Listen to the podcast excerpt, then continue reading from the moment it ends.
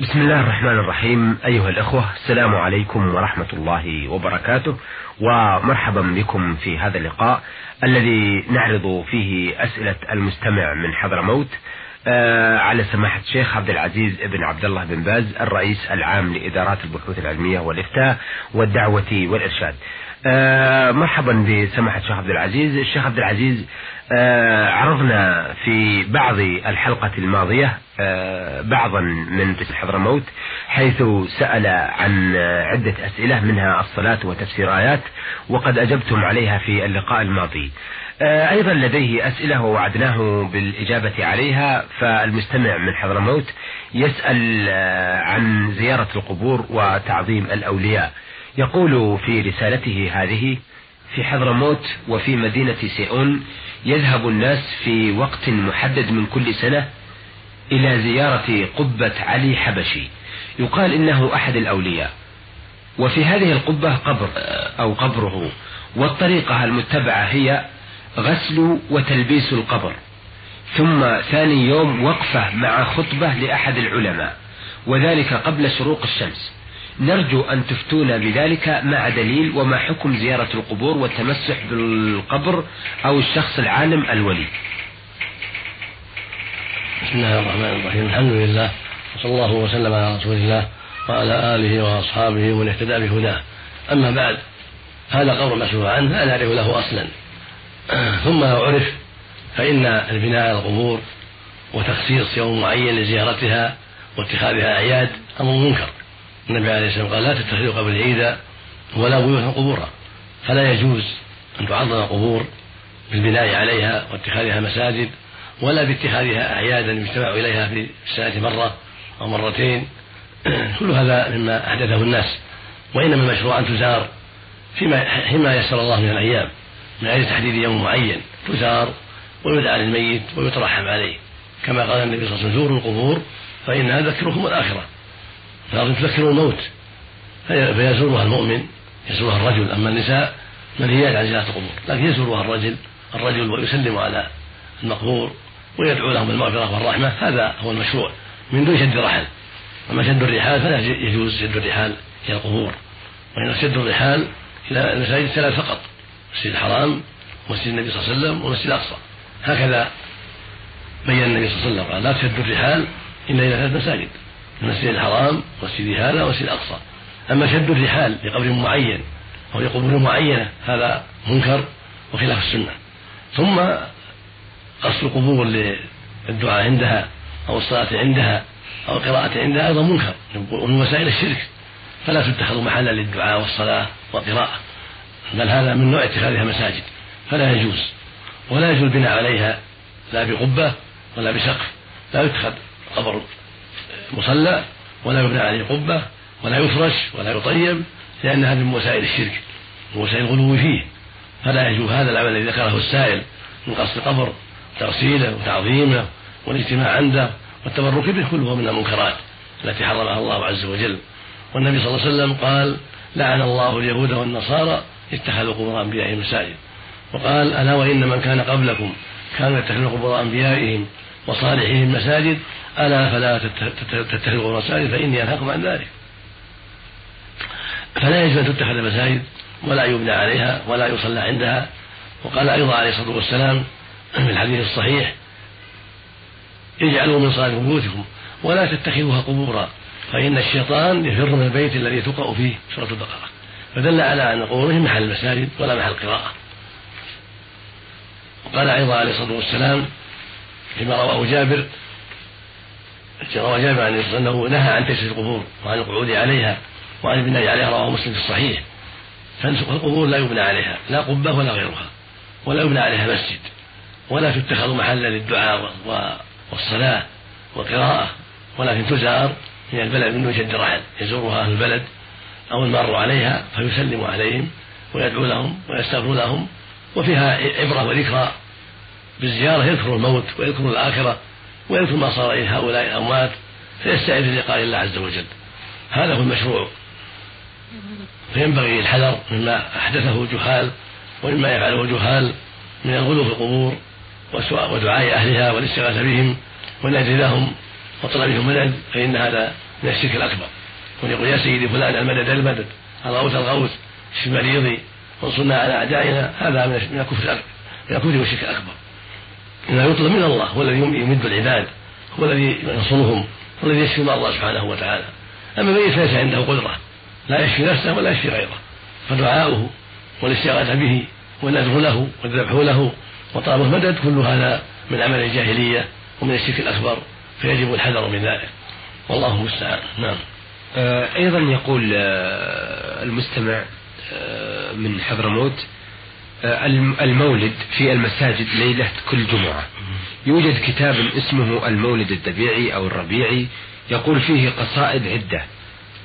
تمدح الرسول صلى الله عليه وسلم ويكثر فيه الصلاة على النبي والمدح وسيرته من قبل مولده إلى وفاته. نرجو توضيح ذلك مع الدليل. أما الإحسان بالموالد هذا لا أصل له. وليس عليه دليل. ولم يفعله الرسول صلى الله عليه وسلم. حياته ولا فعله خلفاؤه الراشدون رضي الله عنهم وهم أعلم الناس به وأحب الناس له سبحانه عليه الصلاة والسلام. وهكذا بقية الصحابة لم يفعلوه ولا التابعون. في جميع القرون المفضلة فدل ذلك على أنه بدعة. ولكن دراسة السيرة النبوية يكون العالم يدرس السيرة بين الناس في أي وقت في الليل أو في النهار في الأسبوع مرة أو مرتين أو أكثر أو أقل هذا كله طيب. درس السيرة سيرة النبي صلى الله عليه وسلم وما كان عليه في أسفاره وإقامته وبيان أخلاقه وأعماله عليه الصلاة والسلام حق حتى يتأسى به. أما العناية بالقصائد التي فيها الغلو والإطراء وجعل وقت معين لهذا المولد في ربيع الأول في الثاني عشر أو في غيره لقصد دراسة هذا المولد من حين ولد عليه الصلاة والسلام ويؤتى في ذلك بالقصائد الشركية كالبردة وغيرها هذا منكر لا أصل له وإنما المشروع أن يؤتى بالدروس الشرعية التي يقرأها الناس في البيوت أو في المساجد كسائر الدروس لبيان سيرة صلى الله عليه وسلم وما كان عليه كيف ولد وكيف عاش ثم بعد بعثته وهو المهم المهم أعماله بعد البعثة كيف أعماله كيف سيرته حتى يتأسى به المؤمنون وحتى يستفيدوا. أما ما اعتاده الناس من إيجاد مولد يحتفل به في ربيع الأول وتذبح فيه الذبائح وتقام فيه الولائم ويؤتى فيه بالقصائد التي فيها الإطراء والغلو آه، ويقوم الناس في وقت معين. يقول إن حضر عليه الصلاة والسلام يقول لا هذا كله لا أصل له. كله من البدع المنكرة ومن وسائل الشرك لأنهم يقع عندهم في بعض الأحيان غلو كثير وإطراء. يستغيثون بالنبي صلى الله عليه وسلم ويسألونه المدد والنصر إلى غير ذلك. وربما وقع في ذلك أحاديث موضوعة مكذوبة لا أساس لها. وفي بعض البلدان يقع اختلاط بين الرجال والنساء ويقع أشياء منكرة في الاجتماع والاحتفال في بعض البلدان فيجب الحذر من ذلك ولا يجوز إقامة هذه الموالد وهذه الاحتفالات لأنها خلاف ما شرعه الله عز وجل. ولأنها لو كانت خيرا لسبقنا إليها أصحاب محمد صلى الله عليه وسلم واتبعوا لهم بإحسان وإنما أحدثها الفاطميون في القرن الرابع ثم انتشرت بعدهم فلا ينبغي للعاقل أن يغتر بالفاطميين المعروفين بالرفق والتشيع وأن يكونوا هم أئمة في هذا الشيء. نسأل الله للجميع الهداية. نعم. آه أيضا يقول في رسالته هذا اللي بعثها من حضرموت آه يقال أن هناك بدعة حسنة وبدعة سيئة. فما حقيقة ذلك مع الدليل؟ وإن صحت هذه العبارة نرجو تطبيقها على الأسئلة السابقة. هكذا يقول بعض الناس أن البدعة تنقسم إلى أقسام خمسة تدخلها الأحكام بدعة حسنة بدعة محرمة بدعة مكروهة بدعة مندوبة بدعة مباحة. هذا التقسيم فيه نظر. والرسول صلى الله عليه وسلم قال كل بدعة ضلالة ولم يقسمها بل قال كل بدعة ضلالة الحق الذي لا ريب فيه أن البدع المخالفة للشرع كلها ضلالة. ومراد النبي صلى الله عليه وسلم ما أحدثه الناس. ولهذا قال إياكم محدثات الأمور قال شر الأمور محدثاتها وكل بدعة ضلالة هكذا يقول صلى الله عليه وسلم. فالمحدثات التي تخالف شرع الله فإنها ضلالة ولهذا قال عليه الصلاة والسلام في الحديث الآخر من أحدث في أمرنا هذا ما ليس فهو رد.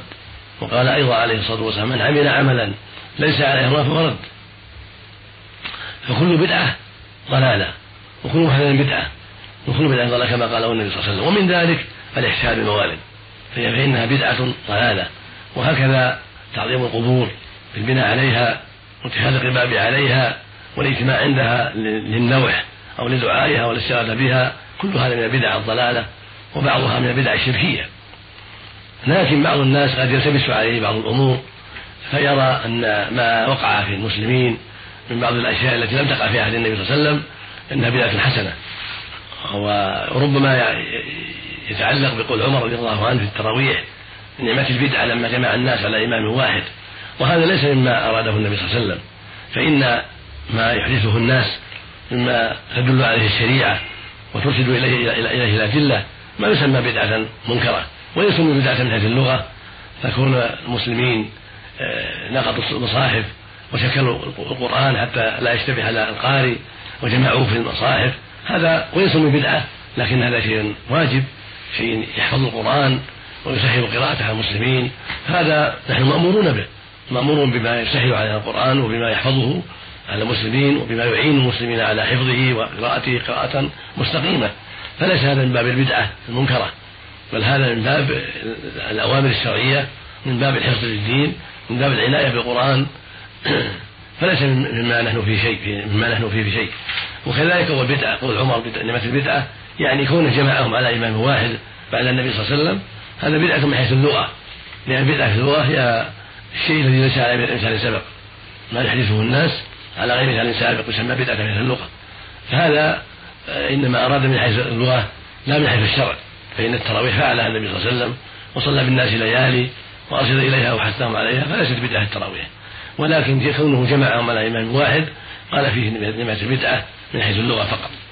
فالحاصل أن ما أوجده المسلمون مما يدل عليه الشرع ويوصل إليه الشرع بعد النبي صلى الله عليه وسلم لا يسمى بدعة لا يسمى بدعة بل هو مما دعا إليه الشرع وأمر به الشرع من جنس جمع المصحف وشكله ونقطه ونحو ذلك.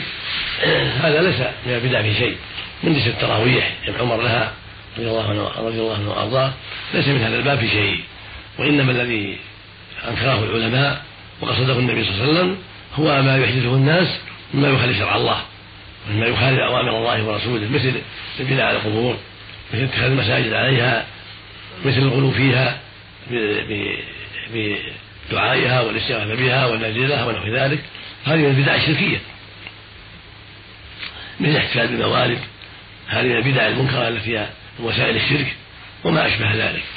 مثل بدعة الاسراء والمعراج ويحتفلون بليلة 27 من رجب. باسم المعراج والإسراء هذا بدعة لا, لا, لا أصل له. لأن النبي صلى الله عليه وسلم لم يحتفل بليله الاسراء والمعراج ولا أصحابه. ولأنها غير معلومة على الصحيح بل أنسيها الناس. ولو علمت لم يجوز الاحتفال بها لأن الرسول لم يحتفل بها ولا أصحابه رضي الله عنهم. فدل ذلك على انها بدعة. لقوله صلى الله عليه وسلم من احدث في أمرنا ما ليس فهو رد. يعني فهو مردود. نعم. آه، أيضا لديه سؤال آخر. يقول سمعت شخص وهو يصلي صلاة المغرب مع المصلين خلف الإمام. حين كان الإمام يقرأ إحدى السور يقول اللهم ارحمني وجميع المسلمين جهرا. فما حكم ذلك؟ وفقكم الله. الواجب على المأموم أن ينصت للإمام إذا قرأ وألا يتكلم بشيء بل ينصت ويتدبر ويتعقل لأن الله يقول سبحانه وإذا قرئ القرآن فاستمعوا له وأنصتوا. والنبي عليه الصلاة والسلام يقول إذا قرأ يعني الإمام فأنصتوا. هذا الواجب. ولا يتكلم بشيء. لكن لو سكت الإمام بعض السكتات فقال المأموم فيما بينه وبين نفسه شيئا يتعلق بالقراءة لا حرج. كذلك الجنة أو النار فقال في الجنة اللهم يعني من أهلها أو في النار أعوذ بالله منها في السكتة التي ما فيها قراءة لا حرج في ذلك إن شاء الله. وأما وقت القراءة فالواجب أن يراعي الإنصات وأن لا يتكلم بشيء. إلا الفاتحة يقرأها المأموم. ولو قرأ الإمام إذا لم يتيسر سكتة فكان الإمام لا يسكت فإن المأموم يقرأ الفاتحة مع إمامه ثم ينصت لبقية القراءة. وقت الجهري في الصلاة الجهرية نعم. على الصحيح من أقوال العلماء. نعم. آه شكرا لسماحة الشيخ عبد العزيز. أيها السادة إلى هنا نأتي على نهاية لقائنا هذا الذي استعرضنا فيه بعضا من أسئلة المستمع من حضرموت وسأل في لقائنا هذا عن زيارة القبور وتعظيم الأولياء ونعيده إن شاء الله تعالى بأننا سنكمل رسالته في لقاء قادم إن شاء الله تعالى. آه شكرا لسماحة الشيخ عبد العزيز ابن عبد الله بن باز الرئيس العام لإدارات البحوث العلمية والإفتاء والدعوة والإرشاد وشكرا للمستمع من حضرموت كما نشكر جميع المستمعين لبرنامج نور على الدرب والمراسلين له. حتى نلتقي أيها السادة في لقاء قادم نستودعكم الله والسلام عليكم ورحمة الله وبركاته.